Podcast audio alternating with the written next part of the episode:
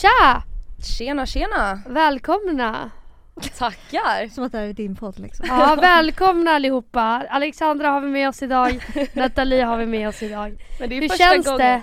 det? känns jättebra men det är första gången jag är med med båda. Ja! Ja. Är det? Ja, jag har bara varit med med dig två gånger. Två gånger! Yes! Och du har inte lyssnat på ett enda avsnitt? Nej, men det här var andra gången. Fys, fyskan.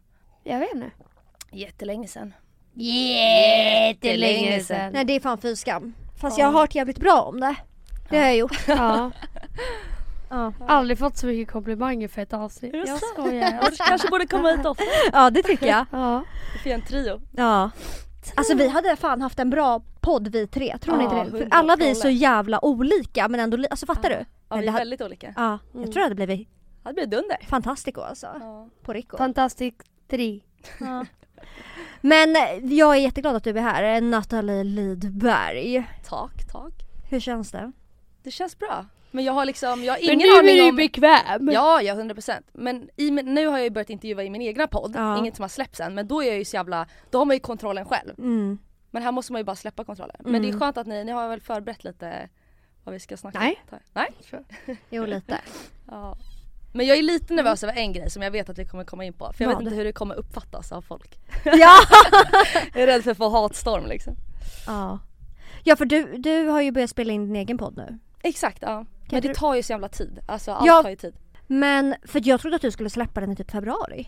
Ja men alltså det blir ju aldrig så som man har tänkt. Jag satte ju en dead- deadline för att få tidspress på mig. Ja. Men sen blir det alltid saker som man måste fixa, det är klipp som jag råkat radera som man måste spela om. Du skämtar. Men det blir så när, man är, när det är i början, när någonting Ja. är nytt. Det är klart man gör massa misstag. Får man bara lära sig av Mm. misstagen. För du har gått all in, du har köpt utrustning, du har en hel studio hemma. Ja. Sinnessjukt. Hur Ja. länge satt du och efterforskade alltså, alla grejer du skulle ha? Åh herregud, alltså i timmar, i, alltså flera, alltså kanske i en månad. Flera timmar om dagen i liksom en månad. Vad ska jag för sladdar, vad ska jag för mickar, vad ska man ha för Men eh, spelare? En, en fråga. Mm. Vad tycker eh, Johan om det här? För ni, du alltså har, att ni ert hem har förvandlats till en poddstudio. Han kan inte vara skitglad. Och är han hemma när du spelar in eller kastar du ut honom då? Det jag kastar ut honom ibland, för Ah. att ibland är han ju producent kan man kalla det. Så att han har ju koll på liksom kamerorna, mickarna för det är ju också en videopodcast. Så jag måste även hålla koll på kamerorna. Så han sitter och liksom pausar kamerorna och fixar med ljudet så det låter bra, pausar liksom. Ja. Så att han får ju med hjälpa till. Innan var det ju Felicia, men då var ju Johan utomlands. Då var ju han, eh, Men då Felicia är väl fortfarande? hon är ibland när Johan inte kan. För Johan har ju en son. Så ibland är det så här, jag måste hämta Vincent och fixa med det och åka på någon träning. Då får ju Felicia ställa upp. Ja. Så de switchar lite. Men ja, vad han tycker om det. Jag tror att han är lite stressad över att det ser ut som det gör. Mm. För att, Plockar du Han ner studion mellan? Nej, Nej, nej, nej, nej. sitter Den är där. alltid där. Den är forever. för att han är så han tittar på lägenheter, så här, byta lägenhet och grejer. Så jag antar att det är för att han vill ha lite större. Så att, Ja. Mm. Men kan du inte berätta lite om podden? Vad, eller, för har ni pratat om det när ni poddade? Ja vi pratade Ja, om det. Men du kan ju det. prata om det. ja. För nu har du ändå spelat in med några gäster. Ja, och det är ju både video och typ som Mm. det här. Mm. Exakt. Vart ska det komma upp? Vart ska den finnas podden? På alla podcastappar, Mm. eh, även på Spotify hoppas jag. Mm. Och sen eh, kommer det vara på Youtube eftersom att det är video. Mm. Sen hoppas jag, för att på, det många inte vet är att på Spotify så kan du även se videos. Mm. Så du kan lägga upp hela avsnitt på Spotify, både video och ljud. Så kan du ju välja om du bara vill lyssna på ljudet eller kolla på video. Mhm. Så men det är lite efterforskning där hur exakt man gör. Mm. Så det är det man måste kolla upp lite grann. Men vilka gäster har du haft hittills? Eh, jag har haft Lisa Sidén, jag har haft Dr. Diamantis, eh, Agneta Sjödin. Dr. Diamantis. Men vem fan Han är, är grym. Alltså vem är oh det? my god. Det avsnittet blev så fucking bra. Alltså det var så intressant. Till och med min klippare bara, jag har kollat om den flera gånger. Men vad är, vad, vem är han? Vet du Han- vem det är? Mm. Han är en doktor inom kinesisk medicin. Åh, underbart. Ja, så att han är väldigt insatt i det här också spirituella med själen, hur det hänger ihop, hur kroppen och sinnet hänger ihop. Mm. Så till exempel om du har mycket negativa tankar, hur påverkar det din hälsa? Mm. Han pratar om att till exempel njuren är kopplad till eh, eh, Ja men det är väldigt avancerat och är, han sitter på så mycket kunskap. Mm. Men vi gick inte bara in på så här, åh vilka hormoner, alltså sådär Nej. ointressanta saker. Vi gick in på väldigt så här, djupa saker om uppväxt, hur det påverkar en senare i livet. Hur man Gud, ska... vad intressant. Ja Ja. jätteintressant. Jag frågade honom till exempel vad han tycker om dagens datingprocess. Mm. Eh, och hur man hittar kärleken och han bara "Ma- kärleken är ingenting man Nej kan hitta. avslöja Jo men ingenting. lite, lite. Jag Nej avslöja ingenting. Han bara kärleken är ingenting man hittar, det är någonting som kommer. Alltså Ja. du vet han är väldigt sådär Ja. djup, alltså det var så intressant. Ja, för fan vad kul. Ja, Ja. Jag längtar så mycket tills du släpper. ja. Så nu får vi fan skynda på processen alltså. Jag är lite stressad men jag Nej men vad fan för- ska du stressa för? Nej. Ingenting. Ja, men nu verkligen. har du ju ett Mm. gäng Mm. eh, Men vad sa du? Agneta, Lisa, Dr. Diamanti. Mm. Eh, sen har jag typ, jag intervjuade en AIK-huligan också men det gick ju käpprätt åt helvete. Jag tänkte såhär, nej, man får ju testa lite så här, vad Va? som funkar. Varför Ja. funkade inte det då? För att när han kommer dit så är han så här, ja men fan jag sitter ju i rättegång nu, jag kan ju inte säga de här grejerna. Jag bara, men vad fan har du kommit hit då? Ja. Så ville han sitta och prata om andra saker. Jag bara, men han bara du skulle sagt till, då kunde jag tagit med min mask. Jag bara, men du vet så, här, så jag testar lite men samtidigt det kanske inte är rätt forum att så här, intervjua en, en AIK-huligan. Nej. Men eh, sen har jag, gud alltså jag glömmer typ bort, jag har intervjuat jättemånga. Jag har intervjuat Ida-Louise. Mhm. Det har varit jättebra också. Hon kanske inte är så här jätteigenkänd men hon har ju en stor följarskara på Youtube Mm. och Instagram. Mm. Eh, och jag hade liksom inga för, för alltså så här, vad heter det? Förväntningar. Förväntningar, exakt. Men det blev jättefint avsnitt verkligen. Vi kom in på massa intressanta saker med relationer, mål, drömmar i livet. Ja. Så det behöver inte alltid vara en så här jättekänd person Mm. alla gånger. Men jag är jätte, för du spelade ju in eh, ett avsnitt med vet hon Julia? Ja ah, just det, Samir Julia. Ja Badrans flickvän, eller fästmö. Mm. ah, de är gifta, exakt. Ja. Är de gifta? Yes, Ja. de är gifta. Va? Hans fru. Han friade, ju- Samir friade till henne på, På Talang. Talang. Ja. Jo men det vet jag, men har Nej, de gift sig? Nej fan jag säger fel, de är inte gifta, Jag bara- de är bara, bara fan, förlovade. säg- Okej, ni? okej. Ja, vi pratade Ja, om det också. Men det är i alla fall väldigt intressanta gäster. Ja, så det ska bli väldigt Mm. intressant. Yes. Och sen är det flera som är på gång nu som inte så här är inspelade som också är jävligt intressanta men det vill jag inte säga nu ifall det liksom inte Nej. blir. Köper ja, det. mm. Ja. Men idag är det här i vår podd. Ja. Yes, yes, yes. Så nu tänker jag att vi går över till det juicy stuff. Det vill säga din impulsiva hjärnhalva som var väldigt Ja. Utåtagerande för några år sedan. För att jag är ju jättehyperaktiv i Mm. hjärnan. Alltså jag kanske är mer hyperaktiv än er två till och med. Mm. Men Eh, ja, 110 Ja det tror jag procent. verkligen. Så det är därför de har tagit bort H står ju för hyper. Så Mm. det blir missvisande om man tar bort H och bara Mm. säger ADD. Mm. För att det är ju också att man är hyper men det kanske inte syns så mycket för att jag Mm. behärskar mig, jag sitter still, jag kan uppfattas som väldigt lugn men jag är ju inte lugn innerst inne i hjärnan Nej. så går det ju Nej men i hundra. för att såhär, om jag läser ADD Mm. Eh, när det då fanns. Mm. Det är ju mycket mer din personlighet Mm, än, det, än ADHD. Gud ja, jag har ju Alltså ADD. jag skulle ändå... Jo, du är väl ADHD på några sätt. Jag är också ADHD på några sätt. Det är Mm. typ ingen jag träffar, om jag nämner efter fucking ett halvår bara Nej men jag har ADHD, alla bara va? Ja. Ja. Alltså Mm. det, det är ingenting som märks av jättetydligt. Men jag tror att för dig och Sen- mig så kanske det är, på, påverkar oss mer än vad det märks utåt. Fattar du? Jo, jo, jo, jag, absolut. jag kan känna det, jag det, tycker jag att... märker bara min ADHD i mitt typ, så här, känsloliv. Mm, mm. Alltså att det kan vara lite upp och ner och Mm. Att jag kanske, ja. Men sen har jag också lärt mig med tiden och ja det är det jag hur man tänker ska att få såhär, fungerande. Ja det är det jag tänker, Mm. många tänker ju att så här, men gud det syns inte på er att ni har ADHD eller att det Mm. syns på mig. Mm. Men det är också att man lär sig att behärska och komma med sätt att hantera det när man blir äldre. Det är ju Mm. mognad och då syns det ju inte lika mycket. Eh, jämfört med när man var yngre. För jag vet ju du Emilia var ju, hade väl svårt att sitta still i skolan. Mm. Jag vet inte hur det var för dig Alexandra när du var yngre. Men alltså inte svårt att sitta, sitta still men jag har alltid tyckt att det är svårt att ta tag i grejer. Ah. Och att slutföra dem. Igångsättning och Ja. avsluta. ah. Och det, kan jag fortfarande, det är typ det jag fortfarande tycker är jobbigt. Mm. Att ta tag i saker, slutföra dem, hålla fokus. Mm, mm. Men samtidigt kan du också hyperfokusera när det är någonting du verkligen, verkligen vill. Jag, Det är bara då, Ja. när det är någonting jag gillar. för jag garvade så jävla mycket åt det avsnittet när du berättade om att du hade suttit och mejlat till alla jävla skolor. Och jag bara pausade avsnittet och sa till Johan, jag bara alltså lyssna jag fan vad jag älskar Alexander, hon bara kör och Emilia sitter och garvar åt dig bara hur fan är du dum i huvudet? Ja. Men det är också en ADHD-grej att du bara du kan ju hyperfokusera och bara sitta och bara kolla upp alla mejladresser och Ja, så att det är också åt andra hållet också. ja Mm. verkligen.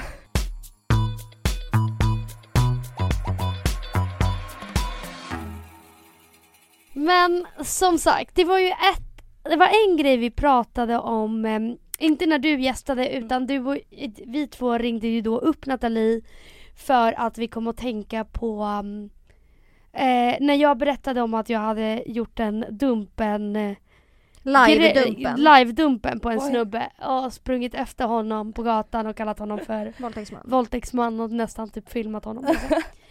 Ehm, och då kom vi på en grej som du har gjort.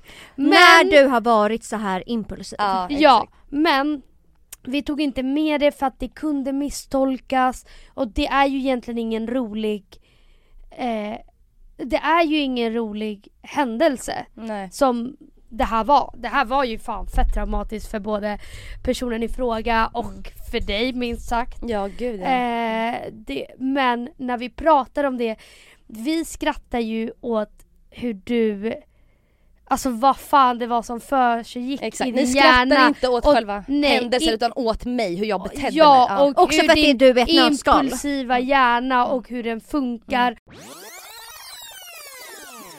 Men sen så skulle hon checka med mitt ex-kompis. och då säger han Tja! Jag berättade för en kompis i förtroende. Men Emilia, det måste... Det blir konstigt när det går liksom så runt. Men nej, det är inte han. Lägg av! Och den här killen har försökt få tag på Natta i två veckors tid.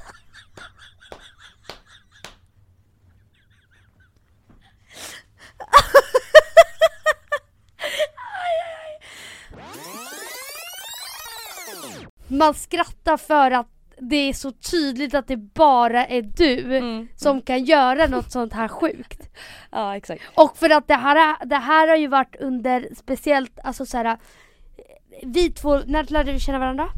Hur gamla var vi? Alltså du kan inte fråga mig sådana saker för jag har ingen Okej tidsuppfattning men vi när gick det kanske kommer i till... åttan. Ja, ja. Hur gammal är man då? Oj, typ. Vi var väldigt Ja. små. Och det roliga är att det här, det här har ju verkligen varit sen dagen jag träffade dig har din hjärna funkat så här. Ja.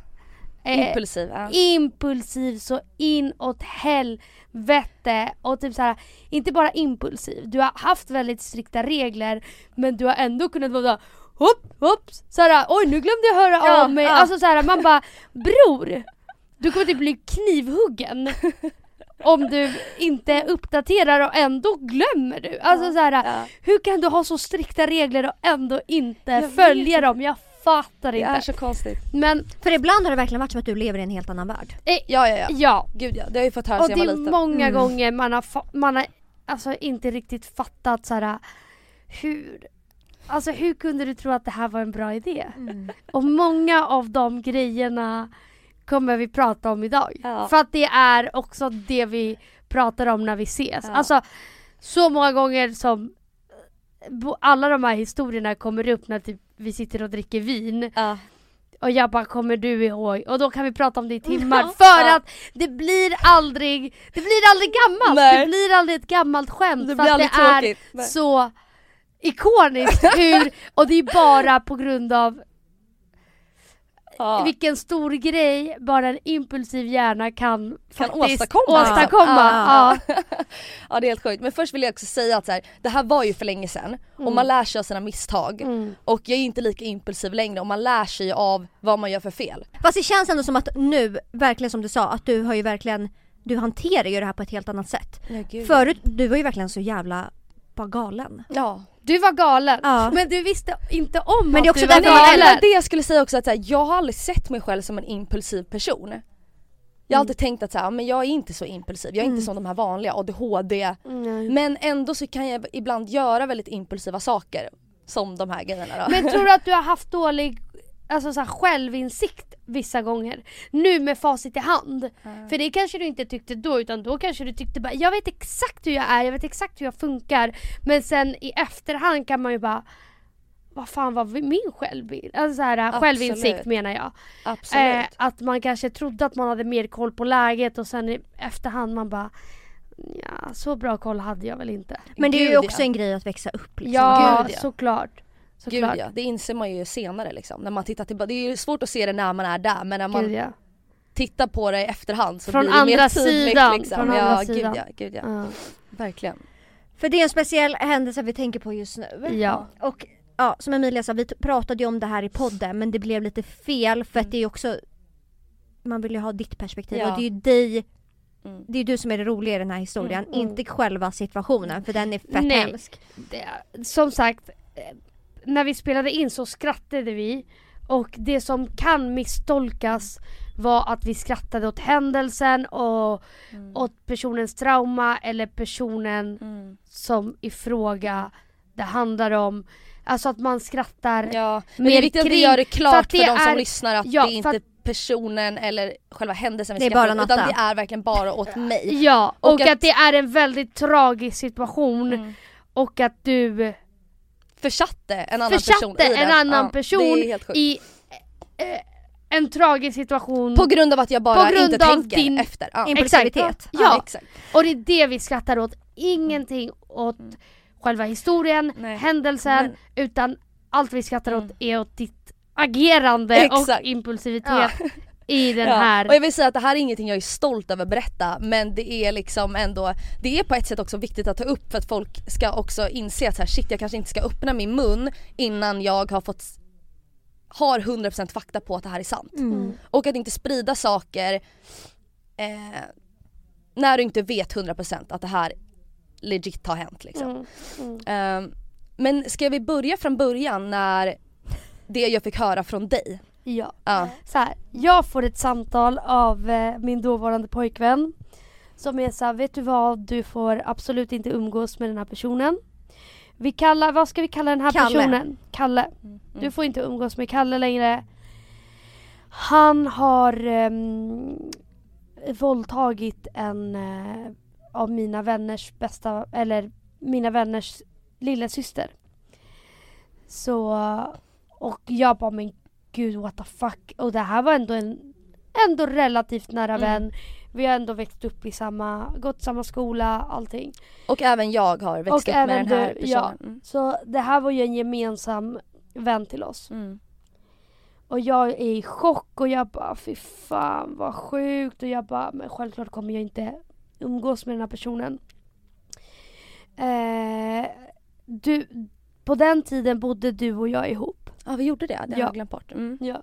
Så du berättade det här Så för jag mig? berättade för dig för att så här, fan jag fick Håll reda dig på borta det från här. Kalle, Ja liksom. men också så här, jag fick reda här om Kalle. Fan vad stört och alltså bara så här. Det är så jävla sjukt men Mm. vi kan inte stötta det här så därför måste vi ta avstånd Mm. från Och Kalle. en grej jag liksom. kommer att tänka på nu, vi hade ju umgåtts med då Kalle Ja. Under Typ den perioden. under den perioden. Jag tror att han till och med sov över hos mig någon Ja. gång efter någon utgång. Eh, vilket var jättekonstigt. Ja. Mm. Alltså men vi var flera hemma hos mig så det var Ja. inte så att någon gjorde någonting med den här Kalle men han, han var där typ. Ja, ja. Så att det var ju också det här var Mm. Mm. Och jag fick ju också en chock när du berättade jag bara shit har han gjort det här liksom? Har han våldtagit en annan tjej? Gud det är ju så hemskt, vi kan verkligen inte umgås med den här killen liksom. Nej. Och vi måste också säga att han har, är han har, ett tvekade väldigt, han har ett, väldigt, eh, ett väldigt speciellt namn. Ja. Som inte alla heter också måste vi säga. Nej. Ja. Och grejen är Vi tvekar inte en sekund Vi på... tvekade inte en sekund för det ska man inte göra när man får höra av en säker källa att vet du vad? Den här personen har gjort det där. Mm. Jag skulle aldrig bara, bara för att det är min kompis bara, nej men det där kan inte Mm. stämma. Alltså så här, nej men jag trodde ju såklart att det var en säker källa. Jag Där och då kom- var det en säker källa trodde Ja, ni? Mm. från min partner. Ja. Som bara ville skydda mig. Ja. Eh, så jag berättade då till dig. Mm. Eh. Och sen vad du gjorde med informationen. Det är en annan femma. Ja. det är en annan femma. Ja, så varpå då jag har fått reda på den här informationen. Jag står på mitt jobb på Acne, där jag jobbade då, Acne Studios på Lens. Mm. Och när jag jobbar på Acne Studios och Lens så pratar man ju alltid med alla kollegor runt omkring. För det är olika butiker, olika märken. Hugo Boss och det är eh, NN07 och så jag står där och sen så ser jag min kollega då från Hugo Boss, en riktigt skön lirare. Eh, så att jag, eh, och jag vet att han är också bekant med den här personen. Eh, Kalle då, som vi kallar honom. Så att vi står och snackar och säger jag bara, men fan har du inte hört om Kalle? Fan han sitter ju i rättegång nu för eh, våldtäkt. Och han blir liksom helt chockad och bara, vad är det du säger? Jag bara nej alltså helt sjukt och så berättar jag hela historien och han bara shit liksom. och sen går det några dagar och då får jag då ett meddelande av den här killen, Kalle då, på eh, Messenger på Facebook där han skriver Hej Nathalie! Jag har fått höra att mitt namn har kommit upp i ett väldigt, väldigt eh, allvarligt sammanhang. Mm. Eh, jag förstår ingenting. Vad är det som har hänt? Vem, var har du fått det här ifrån? Och jag är ju bombsäker på att så här, det här stämmer ju liksom. Mm. Vad fan, han sitter han och säger, han spelar dum liksom. Men klipp till att du också var så här, han ska inte få manipulera mig. Nej. Jag vet ju om att det här är sant så han kommer fan Ja, inte komma alltså, billigt du var undan. såhär, du var såhär, alltså Kalle, han håller på och ska låtsas som att ingenting har hänt, alltså till mig då. Och jag bara nej, ja det är så jävla sjukt liksom. Ja. Ja, fortsätt. Ja så jag bara, hörru du, jag bara, jag har fått höra det här av eh, tro, alltså säkra källor, jag har fått höra det här från personens anhöriga Som var med i rättegången. som var med i rättegången och han bara rättegång? Frågetecken, vad snackar du om?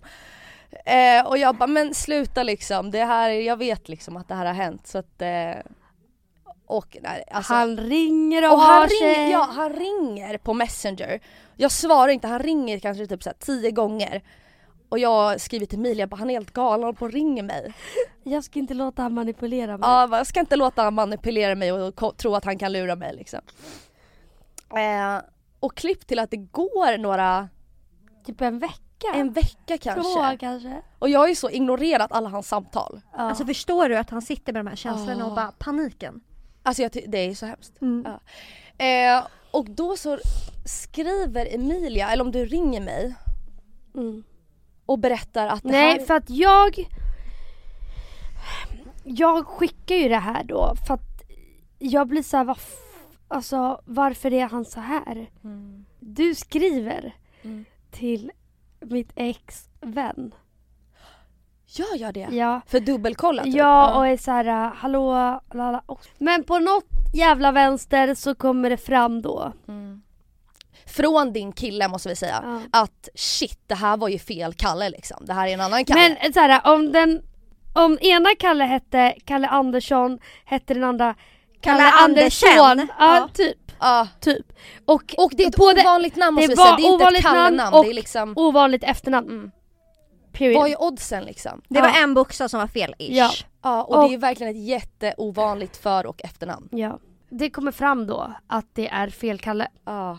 Och jag bara, vad i hel... Och jag blir så jävla lack. Jag bara, vad fan Emilia! Vad ska jag säga till Kalle? Och jag är såhär bror, du har satt dig i den här situationen. Jag berättade för dig för att vi så inte, Ja. men Att fan, jag går och berättar alla till kanske, min kollega. men alla kanske inte heller behöver Veta. ha den informationen. Nej exakt. Och att Alltså- jag literally går till min kollega och berättar det. På Hugo, På Hugo Boss, som som, du är, själv- som är vän med den här killen. och Alltså, som hur du inte jag? känner. Nej. Alltså du är så lite halvtjenis och bara på kafferasten bara Hörru, har du hört? har du hört? Han sitter i rättegång just i detta nu. Just i detta nu. Springer han på han på hornhuset som dricker bärs liksom. Bara, var inte du i rättegången nu? Alltså det är så Nej, men sinnessjukt. Det är också så jävla pinsamt att han tar det med den här Kalle. Ah. Och bara Kalle Alltså- vad händer alltså? Men också, Satt du i rättegång igår? hur gick, hur, gick den konversationen? Alltså det får vi aldrig veta alltså men det... Nej. Men hur var, hur var stämningen mellan Nej, dig och Hugo Boss-killen efteråt? Alltså jag tror jag förträngt det helt ärligt alltså. Jag tror faktiskt jag förträngt det. För att jag skämdes så jävla mycket. Och jag, det första jag gör då är att skriva till den här Kalle. Och jag bara shit, sorry, sorry, sorry, det har blivit ett missförstånd. Eh, jag tar tillbaka allt jag har sagt. Eh, jag har förstått att det är en annan Kalle. Eh, och... Men också att alltså, så här, understryka att när han bad dig förklara vad som har hänt. Du Men han bad ju dig också fler- svara i telefon, bara snälla Ja, Nathalie du- svara i telefon så vi kan prata om det här. och Och du det bara du skrev- nej det finns inte tid för utrymme, jag, vet, jag har pratat med anhöriga, Ja. jag vet om allt. Du har Nej. suttit i rättegång. Alltså du, förstår du skrev, du skrev fem gånger no cap att jag har pratat med tjejens anhöriga som var på plats under rättegången. Jag vet sanningen. Och han är helt förtvivlad och du du står fast att du har pratat med alla. Varför gick du in Alltså- så hårt på att du hade pratat med Jag alla anhöriga? Det här som är så konstigt, varför gå in så För det är hårt också alltså? en lögn. Ja. Du har inte Men det var ju också för att du, du var anhörig. så här. finns inget utrymme att manipulera mig. Nej. Nej. Alltså jag är stenhård liksom. Mm. I alla fall, och det, det som händer sen när jag skriver det här förlåt-meddelandet är att han total ignorerar mig. Han verkligen total ignorerar mig och jag får ju värsta klumpen i magen och bara vad har jag gjort? Och inser att så här, shit det var kanske inte det smartaste att gå och säga till liksom någon random på mitt jobb liksom. Som inte, däremot, som inte är ens en random person utan en person som är bekant med den här personen. Så där är det verkligen så här. jag har lärt mig av mina misstag och det var så jävla dumt gjort. ja för fan. Men jag har ju träffat den här Kalle Det var precis det jag tänkte säga, har du stött på den här Kalle Yes. efter? Jag har stött på den här Kalle ute, jag tror att vi var på eh, F12 heter det va? Där, mm. där man är utomhus vid den här långa Ja. trappen. Jag går eh, ner för trappen och han går upp för trappen och jag bara tar tag i hans axel så för att jag vill prata med honom och liksom be om ursäkt in real life. Och han bara stöter bort mig på en sekund, vänder sig om och bara går och jag bara shit. Som är all rätt. Med all rätt, jag Ja. förstår han. Han har all rätt att hata mig resten av livet alltså. Men alltså när Emilia berättade det här för mig första gången, för var vi vänner här? Det kanske vi inte var. Jag vet inte, jo men det måste vara Men kanske mer bekanta, Bekanta, exakt. Ja. Alltså om man läser det i konversation så är det också mycket grövre för att han är ju verkligen så här, han, han be, bönar och ber på sina bara knän att Nathalie ring mig, kan vi prata om det här? Vart kommer det här ryktet ifrån? Vad är det frågan om? Ja men han är ju helt förvirrad. Han Ja. är såhär, vad är det? Det här Ja. kommer ju från ingenstans. Från, från Och det är också den värsta anklagelsen man kan få. Ja det finns ju inget värre. Nej. Och du var stenhård. Du var, Mm. nej. Ja. Jag kommer, inte ge, jag kommer inte prata med dig. Alltså jag står på tjejens sida, de anhörigas sida, du satt i rättegång, jag vet om det, du kommer inte fucking komma undan. Alltså det är så sinnessjukt. Alltså ha, i, lyssna inte på han en sekund, inte ens kan ta ett samtal liksom. Nej. Bara stenhård. Ja fy fan. När vi pratade om det och kring det. Ja. För att det är så bizarr alltså Mm. så här, äh, story. För att det, det är verkligen synd om alla inblandade. Ja. Och så kommer du som bara får en alltså, information Mm.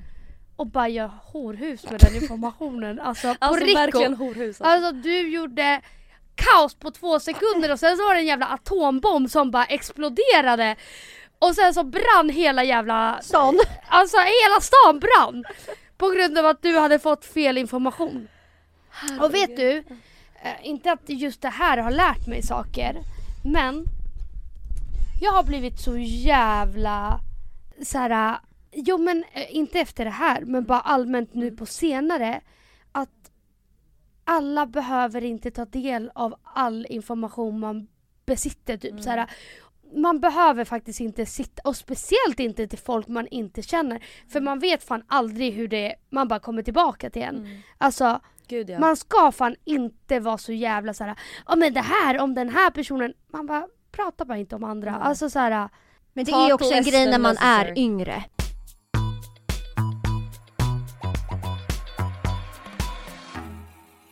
Jag hatar också den här diskussionen när man ska utgå från att tjejen ljuger. ljuger. Det är liksom självklart varför, varför skulle hon göra det? Det är klart att det finns en liten liten procent som gör alla det. män som är vänner med våldtäktsmän bara Hon vill bara, eller hon ångrar sig. Man bara nej din vän är en fucking våldtäktsman.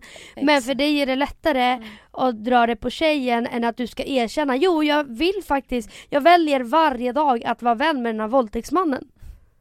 Alltså för killar är det ju lättare då Exakt. och säga Åh men hon hittar på, ni vet inte hela sanningen. Man bara nej du kan bara inte stå bakom att du är vän med en våldtäktsman. För du vill så gärna vara vän med den här Med den här personen. Att du kan inte erkänna Att det du, för dig själv. alltså ja. du döljer att han är en våldtäktsman Ja. så att du skyller på tjejerna Mm. än att Mm. faktiskt Ja. fejsa sanningen. Mm. Mm. Verkligen. För de kan inte stå bakom att de är vän med våldtäktsmän. Men de vill vara vän med våldtäktsmän. Mm. Som Verkligen. Hugo Boss-killen. Ja exakt. Med Kalle. Ja. Ja. Nej men man har ju lärt sig en läxa. Helt klart. Verkligen. Och Mm. för de som lyssnar också att tänk, de bara det där är väl common sense liksom. De bara, Verkligen. Han bara verkligen, det var inte Det här lärde liten- ni på förskolan liksom. Att inte prata och vi sprida sitter här och bara vi har lärt oss så mycket. Det är... Och alla bara 27, 28, 29 år gamla liksom. Ja jag dör. Men när vi änd- innan vi går in på annat Natta, Ja. så finns det en annan historia. Exakt. När som vi, är liknande. som är liknande när din impulsivitet bara sticker iväg. Alltså när den bara gör en 360 och börjar flyga och sen är det ingen som kan stoppa dig. Nej det går inte. Det här, Ja, alltså, alltså- Natta, Nattas impulsiva hjärna, det är jag när jag skriver mail och jag är odödlig. Ja exakt. Gud, jag är Ex- tvärtom med mail, jag sitter typ med ett mail, alltså literally 40 minuter. Ja, och det där, men jag menar din kraft när du får för dig såna här grejer, den är liksom, den är ostoppbar. Och så är det när jag, när jag får för mig någonting också. Ja. Alltså nu ska jag skriva ett argt mail. Till alltså varenda kotte. Men den här andra storyn då, jag kan börja med den. Så att jag dejtar alltså en kille Mm. i eh, ett halvår. Mm. Och jag får för mig att den här killen, jag börjar tänka så här, men gud tänk om han är gay? Mm. Alltså han kanske inte är, är så attraherad av tjejer. Och jag börjar liksom fundera på det här och det Alltså- slutar med att så här.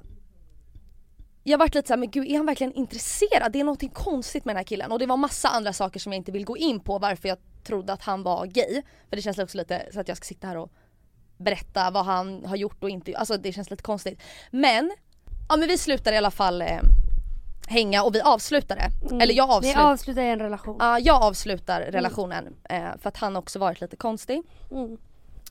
Eh, och, men vi fortsätter att vara vänner. Eh, för att han är rolig, skön, skön att hänga med liksom. Eh, och vi är ju väldigt nära hans killkompisar. slut, men för till slut, ni hade typ en kärleksrelation men till slut vart den så strö att det blev typ som att ni var vänner. Exakt, Typ exakt, nästan så, man bara telefonvänner, exakt. smsade. Precis, exakt Ja. så. Ja. Så då var jag såhär, men varför ska jag lägga ner energi på den här Nej. relationen? Då kan jag liksom avsluta det. Ehm, så att, eh, men vi är ju också gemensamma vänner med Mm. hans Killgäng. killgäng liksom. Mm. Ja okej, vi är på fest hemma hos en vän. Mm. Var Och- du, du var... Nej var du där då? Jag var där. Men du drog hem tidigare? Nej, jag var där när det hände. Nej, jag Nej du var inte där. Jo, jag satt inte mer men jag var på festen. Du kom ju till mig och bara ah horhus. Det var ju då vi stod på vid Ja för du, parken. du och jag var ju ute. Jag bjuder i alla fall med en av den här killen som jag har dejtats vänner för Mm. att eh, vi är vän med honom och han vill gärna hänga med brudar så att jag brukar alltid säga ja men följ med på det, alltså så här, ibland bjuda med honom eller så här, Mm. vad säger man, winga honom ibland. Eh, inte bjuda med honom men winga honom så att jag var såhär, ja men eh, Kom hit, det är mycket hit, tjejer. Mm. kom hit det är brudar liksom. eh, och det slutar med att jag blir kalasfull och ibland så kan jag verkligen bli kalasfull. där Och det är liksom- inte ofta. Nej men det, när det väl händer så är jag Mm. helt ur kontroll. Alltså jag får typ jag blir helt flippad. Mm. Inte galen på det sättet men jag kan säga vad som helst typ. Mm. Och, och då sitter jag och snackar med hans kompis och nej, en vecka tidigare så har jag hängt med eh, det här killgänget och med den här killen jag dejtade. Mm. Och då sitter vi på en bänk och vi pratar om vår relation och varför den slutade och lite så här. Och han är en person som är väldigt djup och vill ha svar och såna grejer. Så att då säger, jag bara, säger han bara, men säg bara sanningen. Säg bara sanningen vad du tänker. Och jag bara, men vill du verkligen höra det? Och jag bara, ja, nej men sanningen är att jag trodde faktiskt att du var gay. Mm. Att du liksom inte är så attraherad av tjejer. Och han bara, Mm. va? Är det sant? Så här, vad sjukt typ. Han bara, hur kommer det sig att du tänkte så? Och så pratade vi om det och förklarade och han var väldigt lugn och så här. Eh, och det är också lite konstigt att jag kanske tycker många att jag säger det. Eh, men i alla fall då har han sen skrivit i sin gruppchatt med sina killkompisar och eh, bara garvat åt det här. Bara, "Äh, hon trodde jag var gay liksom. Eh, varpå den här killen som är på festen är i den här gruppchatten. Så då kommer vi in på det och jag säger så här. Ja vad heter det, jag hörde att han eh, skojade om i gruppchatten att jag kallat honom, att jag trott att han är gay. Och så garvar han åt det och jag är ju, här börjar jag bli, jag blir bara fullare och fullare ju längre in i samt, samtalet jag kommer. Och jag har ju liksom inget minne knappt av det Nej här. jag, jag satt ju typ 10 cm ifrån och bevittnade hela den här händelsen. Ja, jag var ju längre ifrån så jag, Nej du såg inte men jag jag... såg inte. Men jag hörde ju i efterhand. Du Ja, kom ju till mig med ju- uppspärrade ögonen och bara Natta är galen. Natta är galen, någon måste stoppa henne. Vad händer? Vad händer? Ah. Vad fuck händer? Vad fan är det som händer? Och jag börjar snacka då med hans kompis och bara Också så, Jag bara börjar predika om varför jag tror att han är gay. Mm. ger förslag, Ja. ger alltså dittan och Lyx. datten. Ja, Men du ger så mycket exempel ja, och att så här, ja. Och det är väl så också specifika väldigt specifika händelser. och också så här, Natta är en väldigt reflekterande, Person. analytisk Mm. person. Så att du hade ju reflektioner och analyser. Nej men du hade en be bevis ja, så det var helt sinnessjukt för att så här, du sitter och pratar med hans en av hans bästa killkompisar och liksom predikar om varför deras vän är gay. Mm. Och han var såhär, fast Nathalie han är inte gay, jag vet det. Och du var såhär, jo lyssna på det här och det här och det här och det här och det här. Och du tror också att du viskar. För du hänger ju över hans killkompis och ska viska i hans öra för vi är många vid bordet. Så du vill ju egentligen inte att folk ska höra men du är så jävla pruttfull att du skriker. och alla hör och jag sitter där och du, du vet, vi andra vid bordet vårt samtal dör för att man hör ju bara, du överröstar ju alla men det fattar inte du för du är så full. Mm. Så att alla satt ju och bara lyssnade och bara Alltså fy fan. Nej alltså du förstår inte, den ångesten jag vaknade upp med dagen Men efter. är du- det när- är, jag tror att det är den, alltså jag har aldrig haft så mycket ångest. Men vänta, när du slår upp ögonen, Men kommer du ihåg då? kommer det där till dig alltså direkt? Jag fick, För det där, jag fick en liten glimt, jag bara vänta har jag pratat med den här personen om att bla bla bla är gay? Jag bara vänta vänta vänta vänta vänta och det kommer upp så mer och mer minnesbilder och jag bara fucking hell vad har jag gjort? Mm. Och nej, alltså och vem är jag? Alltså vem är jag att sitta och bestämma och predika för vad någon har för sexuell läggning? jag Nej, kan det- omöjligt, jag kan är det omöjligt som veta vad han har för sexuell läggning. Men också att- problematiskt. Exakt! Att just det här killgänget är väldigt typiska så här grabbiga killar. Ja verkligen grabbiga Mm. killar. Ja, Verkligen. ja. Och att du satt där och försökte övertala till varje fucking pris att deras bästa vän det är så sinnessjukt. var gay. Men det är det jag undrar, ve- vem, varför gör jag så här? Jag tror att jag tycker att det är så intressant på Det psykologiskt plan. Det tror jag Ja. med. Det är verkligen det och jag tycker det är så intressant så jag vill så bara förklara min analys. Ja exakt! Men det blir så fel, Men det blir så problemet, fel. problemet är också att när du har en analys, Mm. du går in på det så hårt så det blir din verklighet. Och Mm. då ska du, då är det så. Och då ska du övertala folk Ja. att det är så. Ja. Men det är inte så. Nej. Förstår Jag du? kan ju omöjligt veta om det är så eller inte. Mm. Vem är jag? Ja men också det är inte din plats att ta reda Nej. på om han är det eller inte. Jag kan självklart analysera i min ensamhet men att sitta Exakt. och säga det till hans kompis, nej. Och jag vaknar upp på morgonen och bara fuck. Så jag ringer ju till den här vännen, det första jag gör. Och bara shit vad har jag sagt till dig?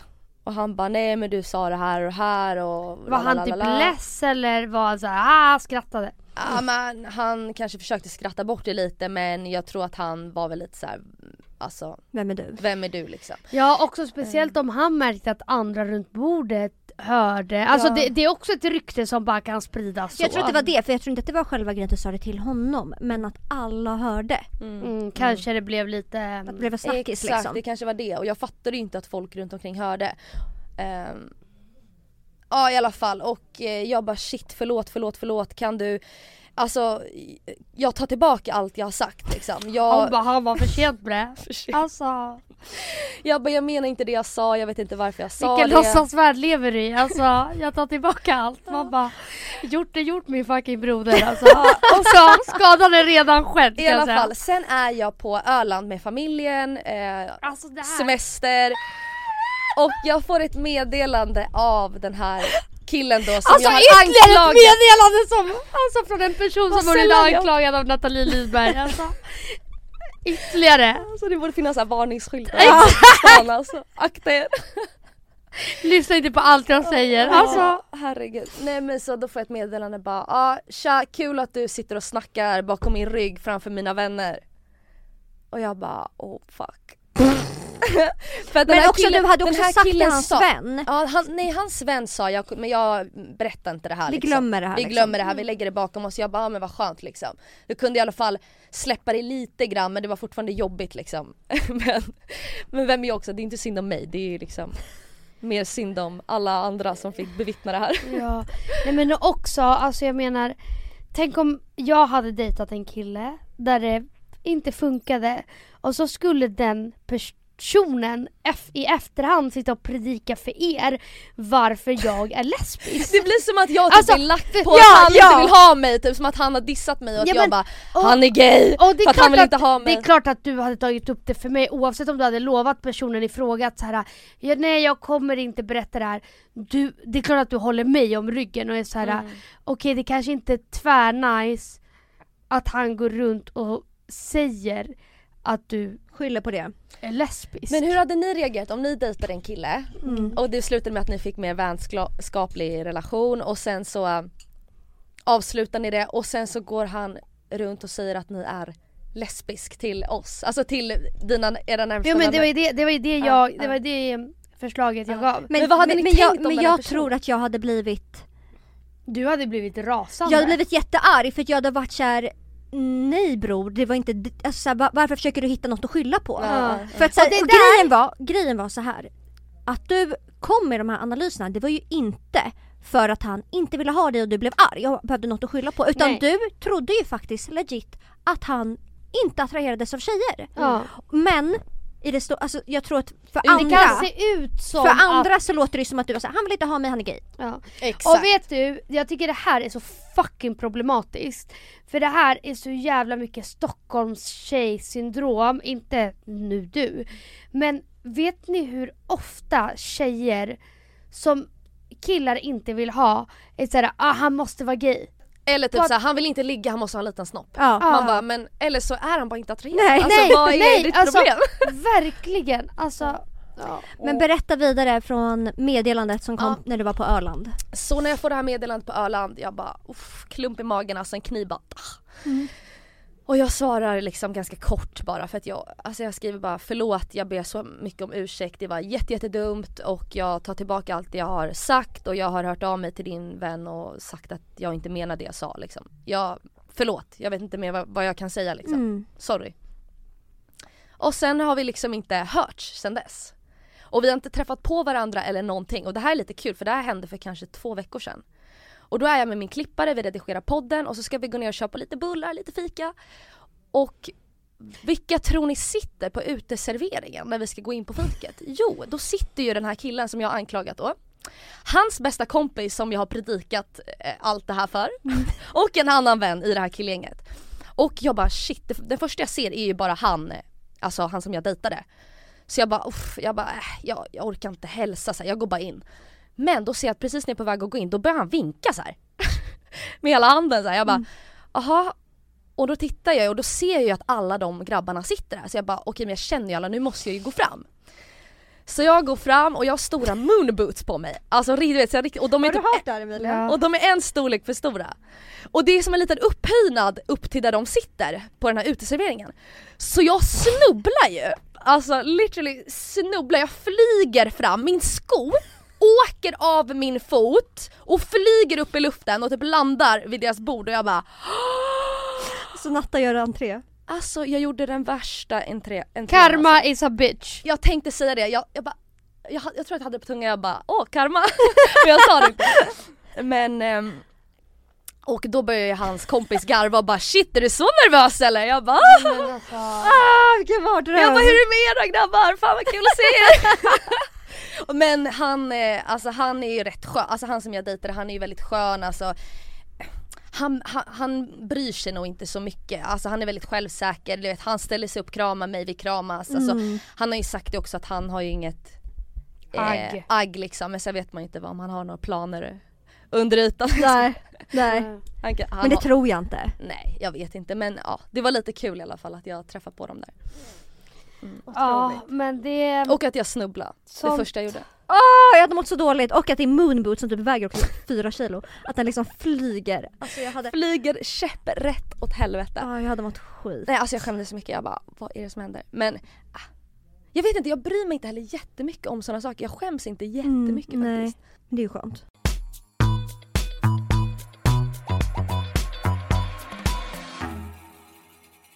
Nu har vi ju pratat om din impulsivitet Natta och vad Mm. den kan ställa till med. Ja. Alltså den ställde väl... Men jag tror nästan att alltså... Jag måste bara säga en sak, alltså, så här, jag har en ganska svårt till att känna ångest och så här, bli Ja. deprimerad Mm. och, och liksom känna jobbiga känslor under en längre tid. Men det enda, alltså, men det jag kan. Men det jag kan relatera till alltså när jag får ångest det är verkligen när jag har försakat och gjort såna här impulsiva saker. Mm. När du har sårat andra på Ja. vägen. Fast det inte var Så meningen. att ja. Exakt, och då får jag sån ångest verkligen. Så där kan jag verkligen känna sån fucking grov ångest att jag, ba, jag vill bara gräva en grop och bara lägga mig under marken och bara försvinna. Ja. Mm. Ja. Ja. men det köper jag. Ja. Men jag tänker att din impulsivitet har ju kanske ställt till med lite grejer ibland. Mm. Och jag vet att du har berättat på TikTok där du haft storytime om när du inte kunde bo hemma. Men det kanske inte, det berodde ju på andra saker också kanske. Mm.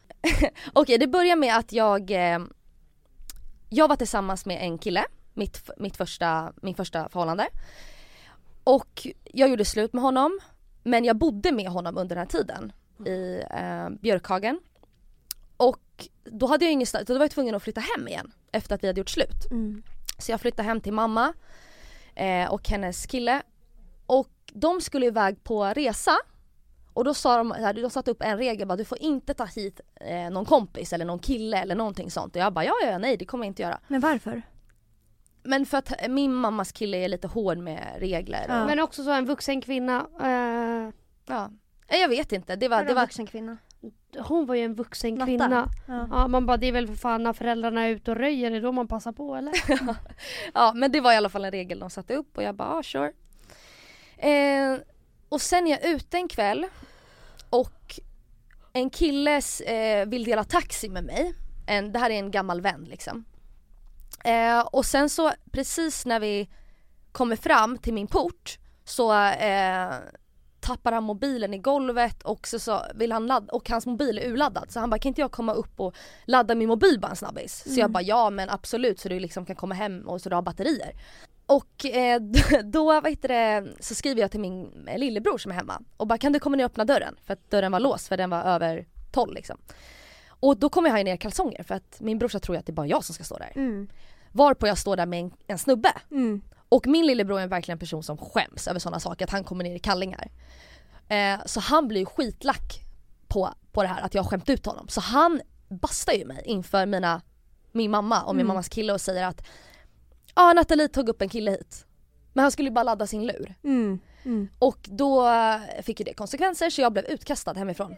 Och jag bara shit var ska jag bo? Jag kunde inte bo hos min pappa heller för min... Men var de liksom stenhårda med det? Att nu har du tagit upp en person du ska ut. mm, Men var det saker som hade hänt innan? Nej. Eller? Nej. Okej. det var Mm. bara det. Mm.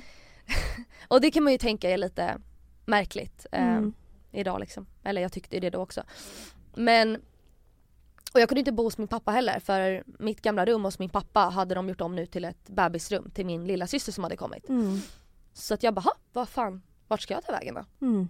Så att jag bodde hos Emilia i några dagar, en vecka kanske. Gjorde du? Ja. Alltså... Du bara gumman kom hit, jag tar hand om dig. Åh, fy fan vad gullig. Ja Alltså, men jag var verkligen underbara. jätteledsen, alltså Mm, verkligen såklart. jätteledsen över att jag bara ha. Eh, och sen så ringer min mamma mig och berättar att så här, du kan få bo hos den här tanten, den här kvinnan. Jag tänker inte gå in på vem den här kvinnan är för att jag kan bli anmäld för förtal och grejer. så att vi, vi skippar den biten. Jag säger bara att det är en bekant. Mm. Det är, en, det är en bekant. Jag känner inte henne så bra, jag har träffat henne en gång tidigare och jag märker direkt att det är hon är väldigt trevlig. Den här gången jag träffade den här, den här tanten första gången så gav hon mig en present. Jag tror det var på min födelsedag. Hon kom dit och gav mig en present och var väldigt trevlig men du vet man kan ändå känna av ibland energier att det var någonting konstigt med den här tanten. I alla fall min mamma säger då du kan bo hos henne. Men jag tänker så här, "Ah, ja men det kan bli ett äventyr. Ni vet hur jag är impulsiv och Verkligen. tänker så här, "Ah, ja men det, Det blir bli kul." Det blir kul att bo hos den här tanten. Mm. Så jag flyttar in där och det första hon säger, vi går ut och tar en öl minns jag första kvällen och då säger hon Ah, va? Ja, vi går till något hamburgerställe på... Får du liksom ett eget rum där? Ja, jag Ja. ett eget rum. Och hon säger så här till mig, hon, hon pratar i norska vet du. Mm. Så hon säger Du är självdestruktiv Nathalie. Jag vet inte om du förstår det själv men du är självdestruktiv. Du måste förstå varför du beter dig på det viset. Och jag är så här, Men också känn, hon kände ju Nej. inte dig vid det här laget. Nej hon kände inte mig, alltså literally det här var första gången vi träffades. Mm. Så vi hade bara suttit och käkat hamburgare och druckit Det är öl. så och hon säger att jag in är en själv främling. Ja. Hon säger att jag är självdestruktiv och redan där börjar jag tänka så här, mm, lite skumt, hon Mm. känner inte mig och jag vet att jag inte är självdestruktiv. Men också jag hade blivit livrädd om en tant som, jag, som inte känner mig bara, du är ju självdestruktiv. Jag hade bara, alltså jag hade fått så jävla mycket ångest. Ja, ja nej men jag tyckte mer att så här, jag tycker sånt här är lite intressant. Så jag bara, Ah. vad är hon för person? Vad, vad, vad, vill hon liksom? Mm. Ehm, och det går några dagar och sen säger hon Jag älskar dig lika mycket som mina egna barn och barnbarn, kära Nathalie. Och då blir jag också så här, hur kan du säga att du älskar mig? Du känner inte ens mig så bra. Mm. Lika mycket som dina egna barn och barnbarn. Det, det, det känns Det är väldigt en annan nivå. det är, en, det är Ja. väldigt orimligt. Då tänker jag så här, är den här människan verkligen kapabel till att älska? Vet hon vad älska är? Om man uttrycker sig så Mm. till en främling, det är konstigt. Ehm, och eh, jag börjar misstänka att det här är en psykopat. Eh, och det är olika tillfällen, det är ett tillfälle också när vi sitter hemma. Jag måste komma, berätta det här för att bygga upp liksom vad Mm. hon är för karaktär och varför jag känner som jag gör och vad som sen händer. Och vi sitter hemma en kväll, hon är väldigt gullig, hon gör frukost till mig varje morgon och du vet det är jättegullig. Men en kväll så sitter vi vakna liksom sent på kvällen och så tittar hon på mig och bara Men vem ser dig? Vem ser dig Nathalie? Alla, du, din bror han får så mycket uppmärksamhet av mamma och pappa men med sin fotbollskarriär, men vem ser dig? Och då blir jag så här, hmm, okej hon vill liksom att jag ska känna mig som ett offer och att ingen älskar mig och ingen ser mig men att hon Räddar dig. hon räddar mig, hon älskar mig, hon har ju sagt att hon älskar mig, hon ser ju mig och hon hör mig. Och jag förstår ju att det är manipulationsteknik liksom för att jag ska sugas in liksom i hennes, hennes ja, grepp liksom. Eh, men jag tycker fortfarande att det här är intressant. Också Nathalie ett fucking nötskal som bara det här blir kul, det är ett intressant äventyr. I alla fall, eh, och en kväll så ser jag även att hon fejkgråter. Och det var faktiskt lite obehagligt. Eh, hon står, det, är, en spegel på väggen och hon står upp, jag sitter ner i soffan men hon, hon blickar liksom mot spegeln medan hon berättar sin historia för mig, sin snyft, snyfthistoria. Hon bara, jag ser min so- mitt barn stå där. Och så berättar hon liksom ett sorg, sorgligt scenario. Och så ser jag hur hon så här trycker fram tårar och hon och jag ser att hon fejkar. Och hur hon tittar på sig själv i spegelbilden medans hon fejkgråter och jag bara shit, jag bara Fan hon står ju här och låtsas Alla killar någonsin när de ska låtsas gråta. Alltså vad är grejen med att killar låtsas gråta? Fortsätt. Ja och jag bara men hon står ju här och fan låtsasgråter. Shit hon är verkligen, och jag tycker det är skitintressant. Jag bara sitter och så här kollar, i- kollar på hennes ansiktsuttryck och hon beter sig. I alla fall, hon har också satt upp en regel. Det är mycket regler vet jag måste hålla. Verkligen. Men hon har satt upp, den enda regeln hon har satt upp det eh, Om du ska sova borta så måste du höra av dig så att jag icke behöver bli orolig för dig. Det var väldigt viktigt. Eh, och jag är ju väldigt impulsiv och slarvig, ni vet hur jag är, dålig på att höra av mig och sådana grejer. Hur gammal var du här Natta? Jag var väl 19, 20 Ja, ja, ändå vuxen liksom. Mm. Men jag har ju fortfarande svårt ibland att svara i gruppchatter Eh, och, absolut. Mm. Och jag tror att det var något fel på min mobil också, jag var ju inte speciellt mobilberoende på den här Nej tiden. men du hade nog ingen telefon då. Men också för, för du har ju aldrig varit så bunden till din mobil så den kan försvinna, den kan bli snodd, du kan glömma den hemma. Ja, jag brydde mig inte om Nej. min telefon. Nej, Eh. alltså många gånger gick du utan mobiltelefon i en hel månad. Mm. Ja. Ja det är helt sinnessjukt. Alltså en hel månad och du var så Tja, får jag logga in på din messenger? Och man bara Åh, kan du bara bli normal person som har koll på din fucking telefon? Mm. Ja. Jag bara, aj men jag kommer till dig vid åtta någon gång, sen bara satt man och väntade och bara jag har det på ingen dörren. aning om den här människan Och kommer dyka upp eller inte. För hon kan lika gärna taggat någon annanstans och glömt bort helt att hon har... För man hade ju ingen koll. Jag var ju tvungen att skriva till killar du dejtade och bara Tja vet du om Nathalie kommer hem ikväll? Har du pratat med henne? Bara, Nej Natta är här sen igår och vi... Det hände bara, ju Johan första gången, eh, han var typ på hockeyträning med sin son och så bara ringer det något nummer, han bara vad fan är det här? Då är det min kusin bara Hej! Eh, vet du vad Natta är? Jag har försökt ringa henne i typ två dagar men jag har inte fått tag på henne, vi börjar bli lite oroliga här. Han bara va? Han bara nej alltså jag har inte hört från henne liksom. Alltså, jag orkar inte. Ja, men i alla fall.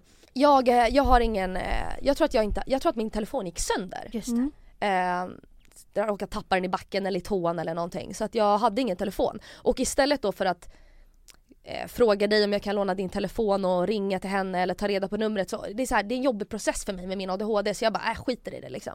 Vilket är dumt.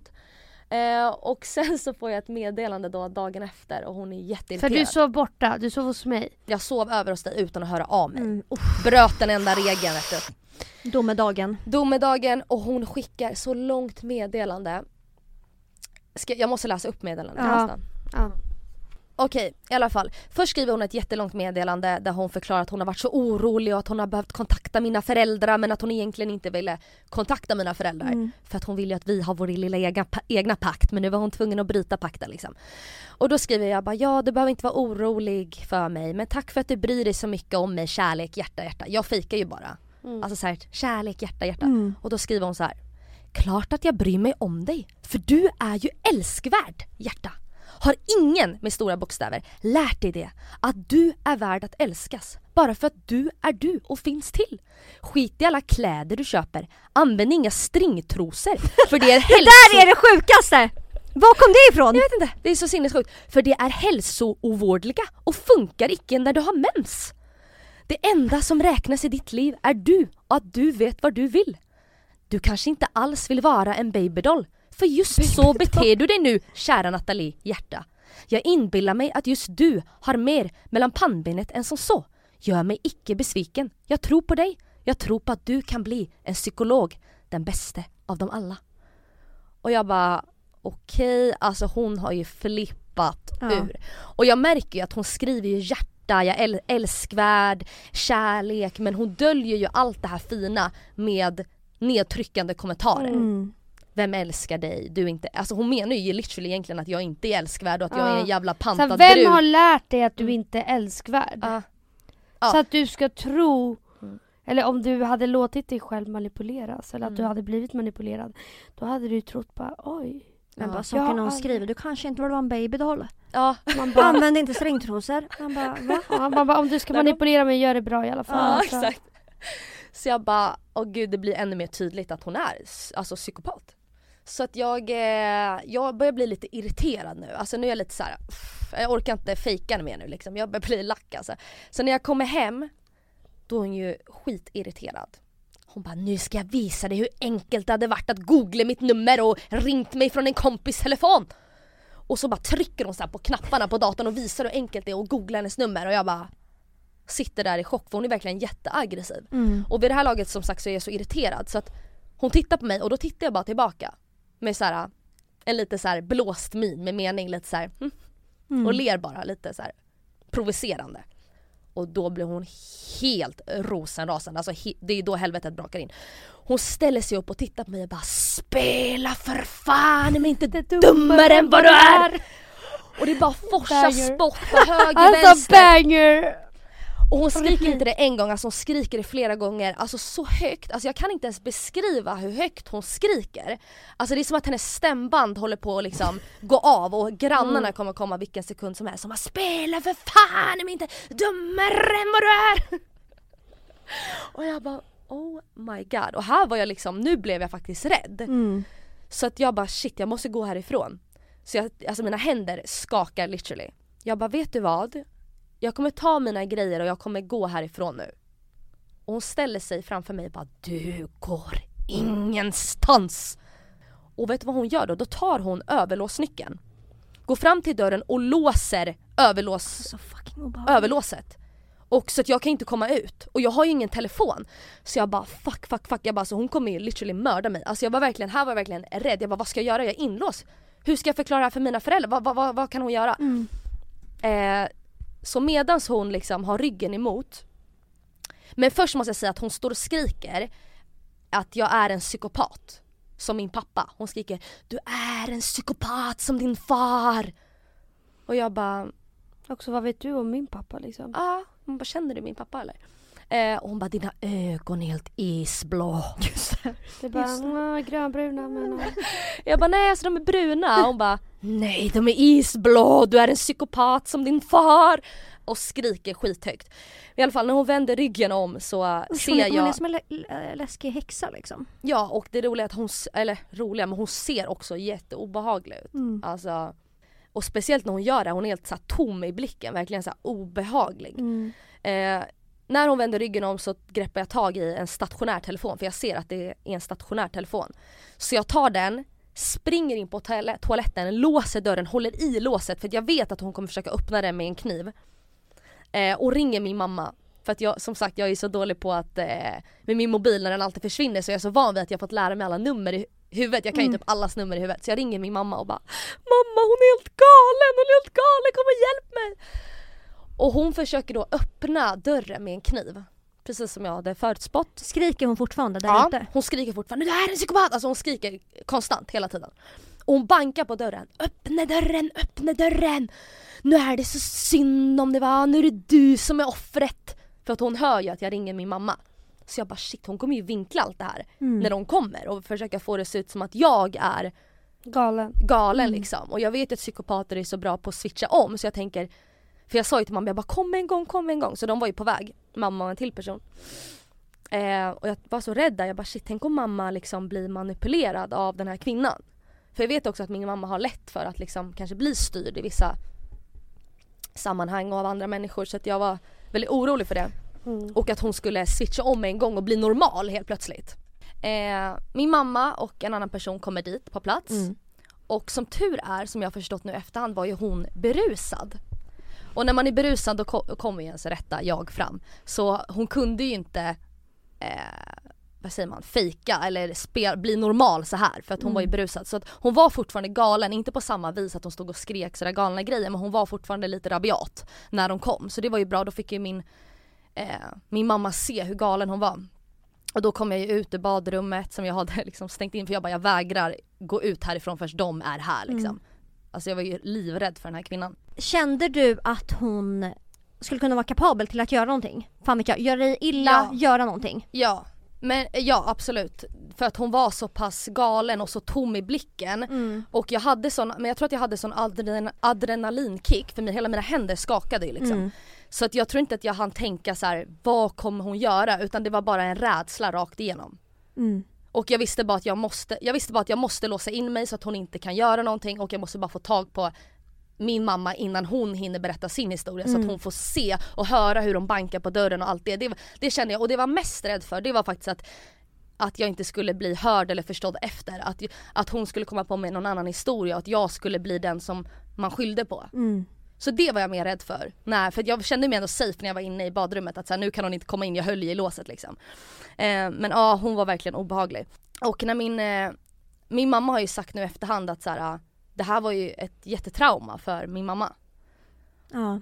Eh, För att hon hade låtit dig bo där eller? Ja, dels det. Att hon känner jättemycket skuldkänsla, att hon kastade ut mig hemifrån och att hon lät mig bo där innan hon tog reda på hur pass galen den här, eller om den här kvinnan ens är en person jag kan bo hos, alltså Mm. är det säkert liksom. Mm. Ehm, och att hon tyckte även att det var väldigt traumatiskt när hon kom dit för att hon var så galen. Mm. Så det har hon ju berättat liksom, det här var ju ett jättetrauma för min mamma. Och hon, sen efter det här så åkte vi och käkade på McDonalds, det här har jag glömt bort. Jag Så typ- du åkte vi åkte därifrån? Ja och jag, min mamma och den här Men jag personen. fattar inte, din mamma plingar. Min mamma och en till person kommer dit. Ja. Eh, Har och de plingar- nycklar? Eller går Nej, de- hon Ja, och öppnar helt som vanligt? hon, hon öppnar dörren. Okej. Mm. Eh, och vi går och käkar på Donken efter det här. Det här minns inte jag, det här har min mamma berättat. Och hon bara, jag tyckte att ni var så konstiga för både du och den andra personen var helt lugna och bara satt och käka.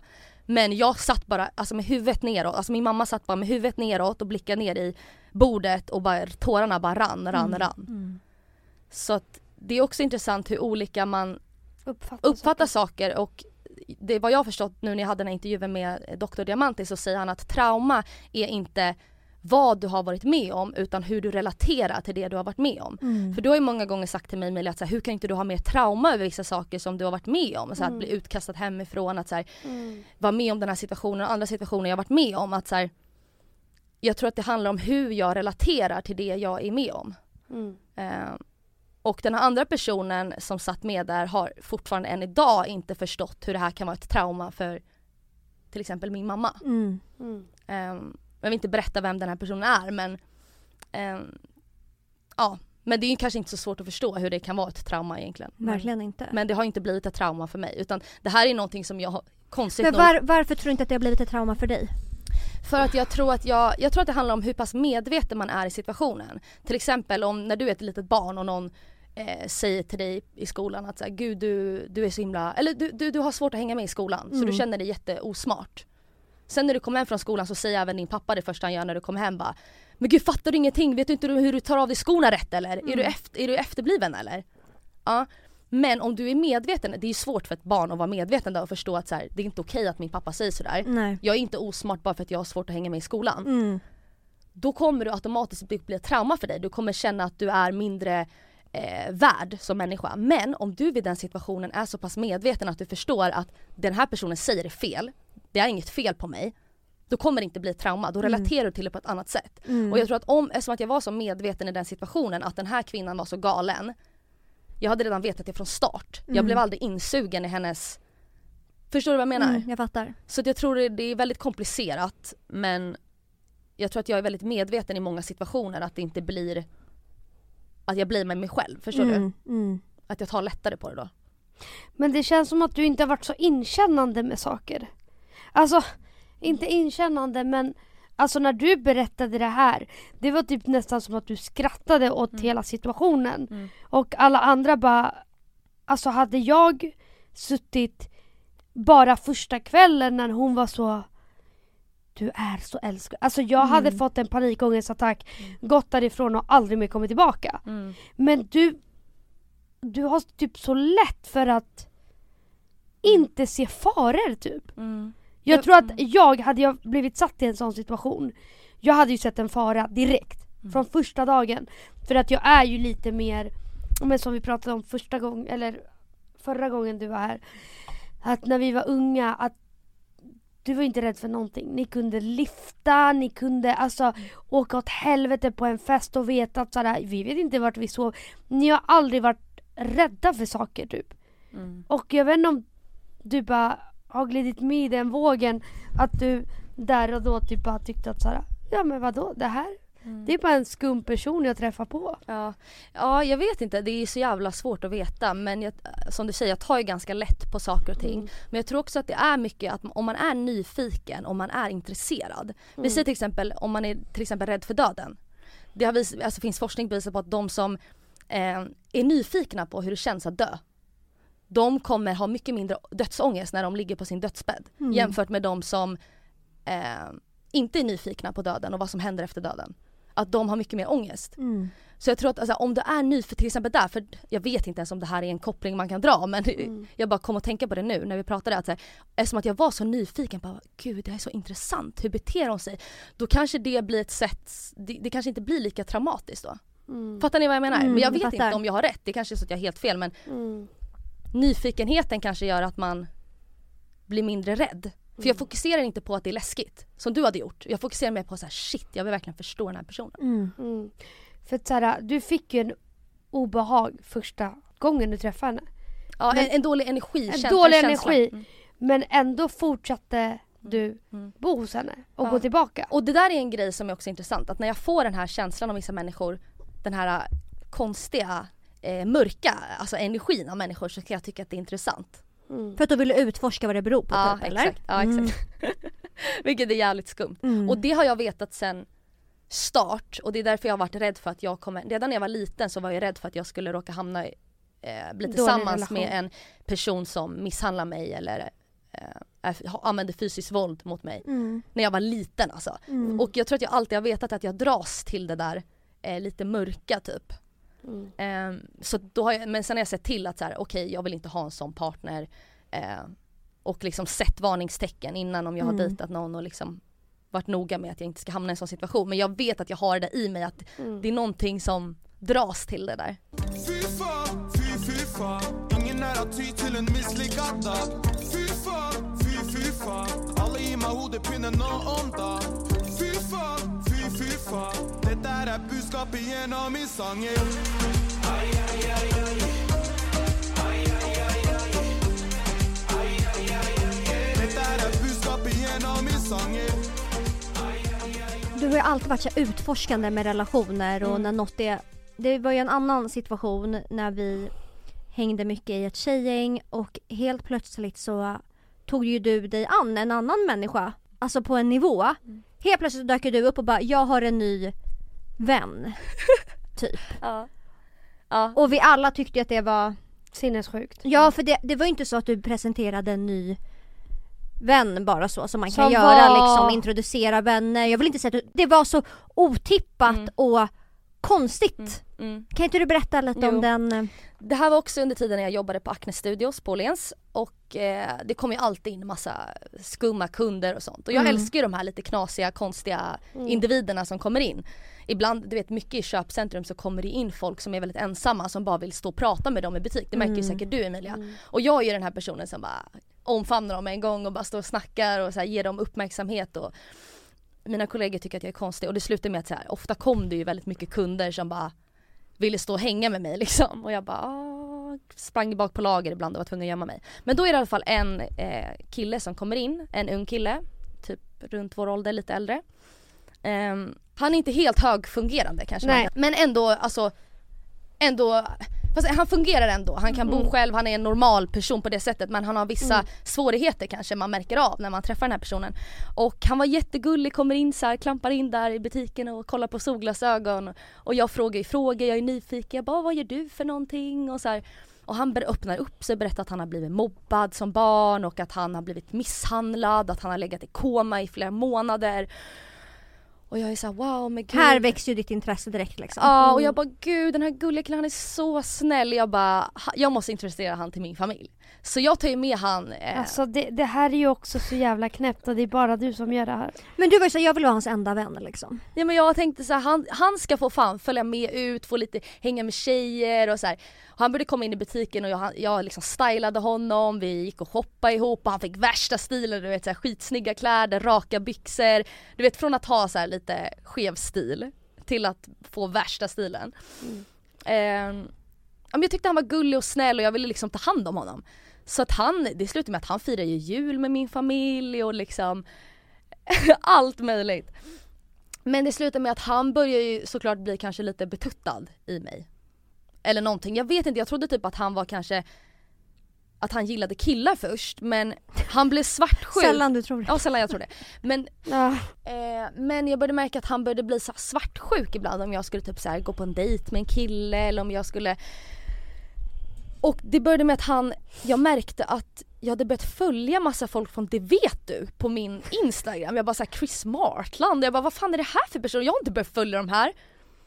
Jag bara är det du, vad har du, har du typ mitt inlogg eller alltså så här, Han har ju sett mina lösenord, alltså när jag har gått in på telefonen. Ja och klipp till, det här var ju också perioder då du inte alltid hade en mobil så du Nej, kanske så hade du lånat hans ibland. Exakt, jag fick låna en telefon, en gammal Sam, eller en Samsung-telefon. Så jag fick låna en gammal telefon av honom för att min mobil var sönder. Och då hade, var jag ju inloggad på Instagram, Ja. mitt bank-id, alla såna här saker. Livsfarligt. Ja.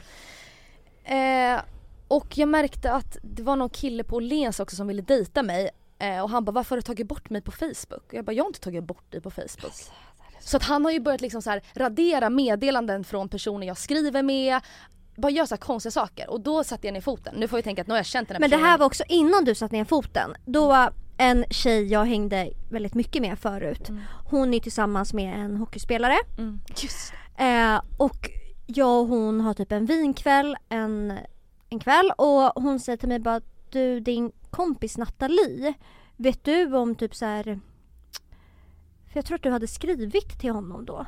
Typ så här, vet hon inte? Nej, börjat följa tror jag. Hon hade i alla fall stenkoll på, jag vet inte om hon hade haft det trassligt i deras relation Mm. innan men hon hade ganska bra koll på vilka som följde hennes pojkvän och vilka, om han började följa några tjejer. Och var ganska så här, misstänksam. Och hon bara du, din tjejkompis eh, Nathalie, hon har börjat följa min pojkvän. Ehm, vet du varför kan det vara så att de skriver eller något? För saker hade hänt tidigare i deras relation och hon gick in på dig, visste att vi var bra vänner och var så det är en skitsnygg tjej som börjar följa honom. Ja. Kan det vara så att de pratar? Så jag frågar ju dig, jag ringer ju upp dig och bara Tja, du har börjat följa den här personen, typ har ni snackat någonting? Och du bara, vem är det? Och jag bara, fast du har börjat följa han på Instagram. Du bara, nej det har jag inte. Ja, och då går jag in på så mina senaste följare, för det första, jag är ju så van nu vid att han gör såna här saker. Han hade börjat följa alla i Det vet du vilket var jättekonstigt. Jag fattar inte, jag förstår fortfarande inte idag varför han gör det, varför han gjorde det. I alla fall, då går jag in på mina senaste följda.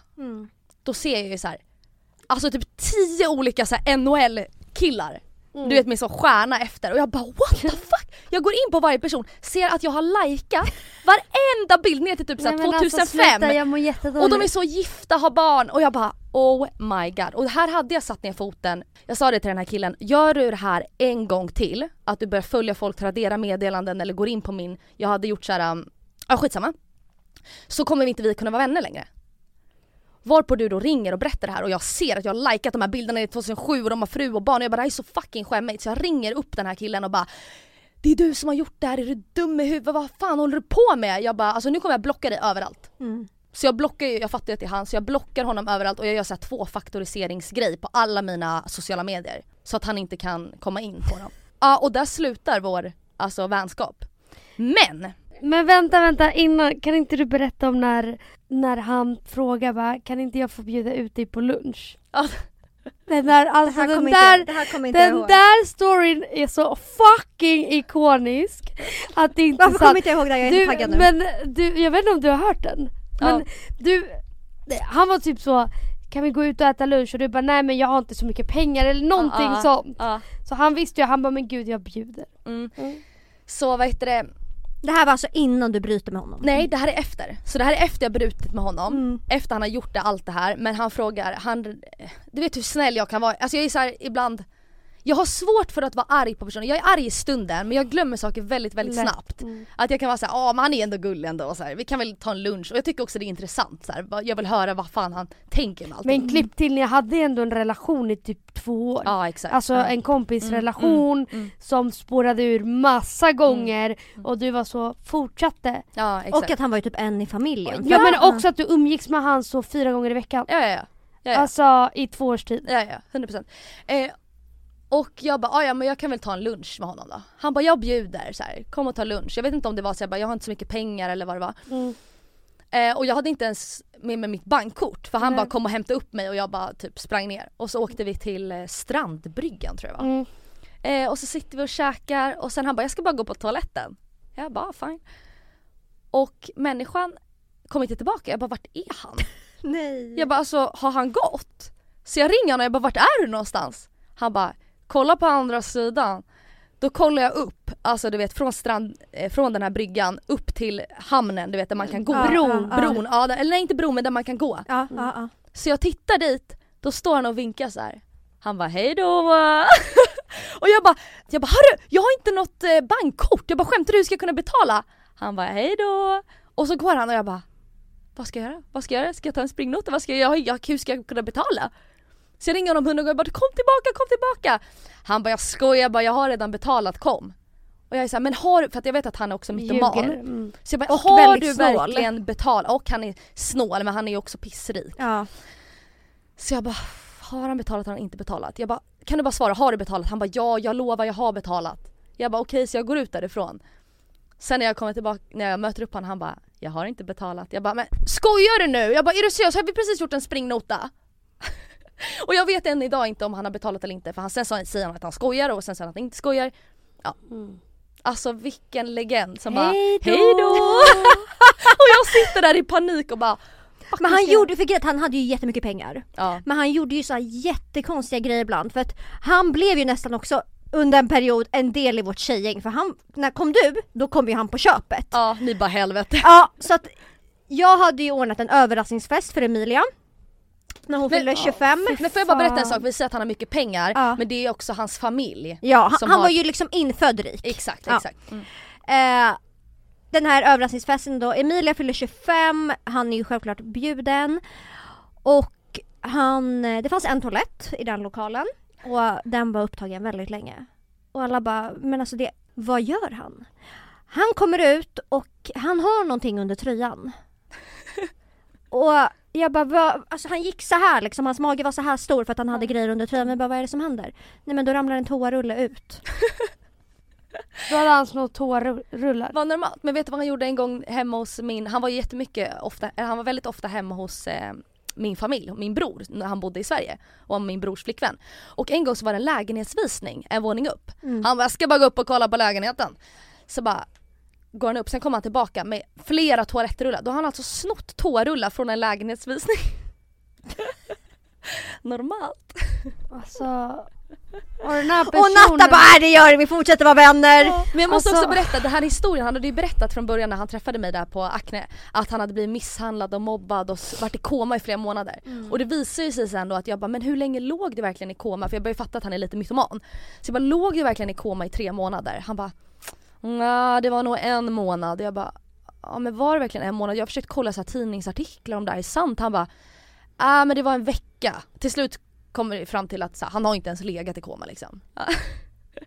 Så han får, och han är smartare än vad man tror. Han spelar på att han är lite dum. Så han vet hur han ska få Usch människor. det är så jävla obehagligt. Ja. Och jag tänker bara gullig kille, så han har inga vänner, han är mobbad, så här, vill ta hand om honom. Men han spelar ju på det också. Mm. Och nu kommer vi till den här grejen. Som jag berättade innan så hade jag ju lånat hans gamla telefon, Samsung. Och där var jag inloggad på alla sociala medier och bank-id och allting. Men när man gör tvåfaktoriseringsgrej på eh, sociala medier så loggas man automatiskt ut på alla andra enheter. Mm. Så där var jag ju safe men jag tänkte ju inte på att jag hade ju bank-id kvar.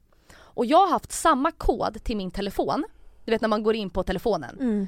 Som jag har som bank-id. Man bara vad smart. Så han har ju, han, han fattar ju. Han har lagt det på minnet. Han har lagt det på minnet. Så han är väldigt bra på siffror och kommer ihåg min kod. Och jag märker så här, under en sommar, jag bara fan det bara försvinner mer och mer. Och det här är efter jag har sagt upp kontakten med honom. Det försvinner liksom pengar från mitt konto. Det står så här, Handelsbanken 2000 minus.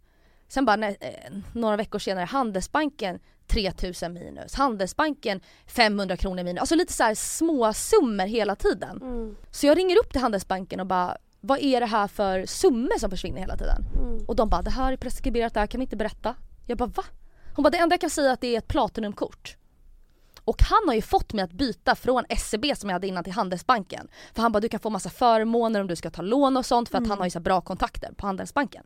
Så jag bara okej jag har också fått ett Platinumkort på Handelsbanken. Jag bara men jag har ju inte använt mitt Platinumkort. Så vad är det här? Så jag ringer igen några veckor senare och då så berättar jag att så här, ni måste kolla det här med er kredit, alltså så här, bedrägeriavdelning. Och då pratar jag med en mycket schysstare kille som bara men vi kollar upp det här. Mm. Och då ringer han upp och bara det är inte ditt pla- Platinumkort, det här är ett annat Platinumkort. Från en annan person. Han bara jag får inte säga vem det är. Men hur kan de inte kunna säga vem det är För om det, det... man får inte, det är olagligt för dem att berätta. Jag Hur? vet, jag vet inte varför, de får inte Känns berätta. helt sjukt. Men jag säger till den här killen när jag pratar, jag bara det finns en person som har jag vet att jag är inloggad på BankID och Mm. att så här, han kan föra över pengar från mitt konto till sitt BankID och han, har, han är arg på mig så att han vill ju hämna, han har gjort saker förut och han fattar ju så här. Han bara, jag bara han heter det här namnet. Han bara mm, jag kan inte säga ja eller nej men Mm. mm. Alltså jag fattar det ju. Mm. Och här är jag så, alltså jag är helt skakig. Här är också så Hur mycket pengar var det? Vi räknade, jag räknade ihop allting sen för jag var tvungen att göra det för jag gjorde en polisanmälan och då var jag och gick till Handelsbanken och eh, fick sitta och skriva ner allting och jag tror att det var typ så här 30 000 kanske. Men, men okej, polisanmälan, vad hände med det? Eh, grejen är att när jag polisanmäl, när man polisanmäler en sån här grej så måste de ha bevis. Eftersom att det är mitt egna bank-id så har de inget bevis På att, på att det inte är jag. Det kan ju vara jag som har gjort det. Mm. Så att det, de la ner polisanmälan men min pappa ringde upp honom en gång. Alltså han som, den här snubben. Och bara, eh, pengarna ska vara tillbaka ikväll annars så kommer vi polisanmäla dig.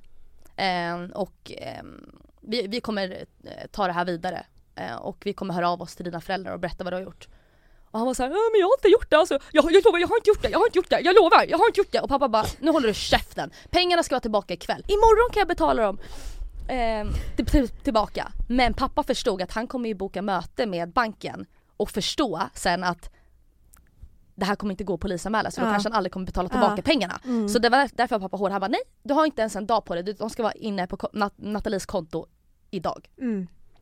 Och så går det liksom till kvällen och sen så får jag tillbaka mina pengar. Alltså förstår ni? Att han har liksom så snott pengar av mig varje månad. Också du hade verkligen kunnat förbise det för att du inte har koll. Ja. Alltså det var ju bara en slump att du upptäckte Ja, det. ja, ja, för jag har noll koll på sånt. Nej. Ja. Och jag träffade den här, Han kanske hade kunnat fortsätta till this day. ja alltså jag undrar hur länge han 100 har fortsatt. procent. Men jag träffade i alla fall den här killen i Köpenhamn nu när jag var där på ett event för typ Just några månader sedan. Va? Vad fan säger Ja. du? Han, jag går på gatan med några tjejer. Är det här första gången du träffar han sen hela Ja. incidenten? Yes. Ja. Och jag går eh, på sjukt. stan och så här, kollar lite vintagebutiker med tjejerna som jag är där med. Och så ser jag bara en person som går med så här, massa så här, LV, Louis Vuitton, Hermes väsk, alltså kassar och jag bara Mm. Och min första instinkt är ju så här, nu vet du jag glömmer bort saker, jag är inte så arg av mig, jag är så här TJENA! Så här, kramar om honom bara, Gör du det din Ja! fula hora? Jag vet, jag vet det är något fel på mig men sen inser jag bara fan jag, jag ska ju vara arg på den här killen så jag bara Och då kommer min nyfikenhet tillbaka så jag bara, jag måste bara fråga dig Varför gjorde du så mot mig? Varför tog du pengar från mig? Har du, jag vill bara veta, kan du bara svara ärligt? Jag vill bara veta sanningen för jag är nyfiken. Har du något dåligt samvete över att du gjorde så här? Och För du, också så här, paus, men den här människan är inte i behov av pengar. Nej. Så att det inte att det hade varit okej men det hade varit mer förståeligt om det här var en människa som hade det väldigt knapert, han var tvungen att lura folk för att Ja. gå runt. Ja exakt. Men det där handlar inte om det, det handlar om en mani. Ja. Ja. Alltså, och att jag tror att han också vill hämnas. Ja. Jag tror att det här med att följa dem från det vet du och följa de här, det, jag tror att han, vi tänker så här, hur tänker han? Men han är ju också smart, han vet ju att jag kommer skämmas. Mm. Då har han ju Mm. fått ut det han ville, Ja. att jag ska skämmas och att jag ska må dåligt. Ja. Eh, och han visste säkert att jag hade knapert med pengar just den perioden. Så det var inte för att han ville ha pengar, det var säkert bara för att se till att jag får det jävligt. Ja. mm. Eh, och så frågade bara, men helt ärligt så här, mår du inte dåligt över det? här?" Han bara, nej, alltså helt ärligt, nej. Jag bryr mig faktiskt inte. Jag har lagt det där bakom mig nu. Jag bara, ursäkta? Skämtar du? Skämtar du med mig? Jag bara, aha, jag bara intressant. Jag bara, men jag var ju faktiskt din vän på riktigt. Alltså jag brydde mig, alltså literally verkligen om dig och jag hjälpte dig jättemycket med hur du skulle tänka och så här. När det kommer Släppte till... in han i ditt, Ja. alltså din familj. Ja. Hela din familj brydde sig om han. Ja för att han kunde ju må, väl, må väldigt dåligt och jag ville verkligen få honom att må bra och hjälpa honom och stötta honom. Mm. Han bara ja men jag bryr mig inte. Jag har släppt det nu. Jag bara okej. Jag bara "Ah, ja men ett tips i fortsättningen. Jag bara när du märker att någon genuint vill vara din vän och inte är där för att utnyttja dig för pengar eller andra saker. Så ta vara på den relationen och försök inte fucka upp den liksom. Jag bara men ha det bra, hejdå! Och sen gick jag. Men han är ju en legend. Han är en legend. Men han har ju kommit in till din butik också flera gånger. Han har ju gått runt och sagt att, han, att jag är hans ex. Alltså han gick ju runt på Åhléns. Och folk trodde ju att det här var din kille. Ja, han, när du ju gått, jobbade där. han hade ju gått runt och sagt till folk att, att vi var ett par. Och Mm. jag bara, vad är det som händer? Och sen Och det jag... kommer ju fram efter hela Mm. grejen. Ja. Mm. Ja och jag har ju en, inte en kollega men en vän till mig som vet om den här personen. Och vi satt på en AV och hon bara men din vän Nathalie. Eh, visst hon har varit tillsammans med han. Jag bara vad fan säger du nu? Jag bara självklart inte. Hon bara jaha ja men han har ju gått runt och sagt det till alla. Ja. Så inte bara på Åhléns. Mm. ja men jag har ju lärt mig en läxa, alltså fan inte lita på vem som helst och inte vara blåögd. Jag kan ju vara riktigt blåögd Ja, ibland jo, alltså. tack. Jag bara ser gott i alla människor. Mm. Förutom Fast tanten. det, det är ändå det vi älskar med dig för det blir ju alltid roliga stories. Ja. Ja Mm. det kanske inte blir fler stories eller så blir det. Men det finns massa mer om den här snubben. Ja. Alltså, Alltså man kan ju ha ett helt avsnitt och bara Ja, snacka han om. har ju blockat folk som du har typ så Mm. Typ haft flörter med Mm. för att han inte ville. Ja för det- att han blev svartsjuk. Ja. Ja. Ja. Och Ja det var ju en kille du hade så här, typ känsla för. känsla Alltså, för och vart, han bodde utomlands och du liksom vart där och så kommer du hem och sen så hade du helt plötsligt blockat honom. Och han var så här, vad är det som händer? ja alltså jag var så lack. Jag var så lack va. också att du låter den där jävla idioten Ja. alltså bara Alltså göra så, alltså förstå, man hade inte ens låtit en legit vän Nej. göra en sån här liten del Nej. av allt han gjorde. Mm. Jag har svårt för att sätta gränser tror jag. Okej men tack för det här avsnittet Nathalie. Tack och snälla. eh, har, vad har vi lärt oss av allt det här? Oh det är så mycket. Det är så mycket. att inte anklaga människor innan du vet fakta och att bara håll tyst istället. Prata Mm. inte om andra människor. Nej, nej. Bara Lita inte på det. alla. Och lita inte på vem som helst. Nej. Var inte blåögd. Nej, Mm. jättebra. Ja. Jättebra. Vi hörs nästa vecka. Vi Det hörs. gör vi. Puss puss. Hej då. Puss puss.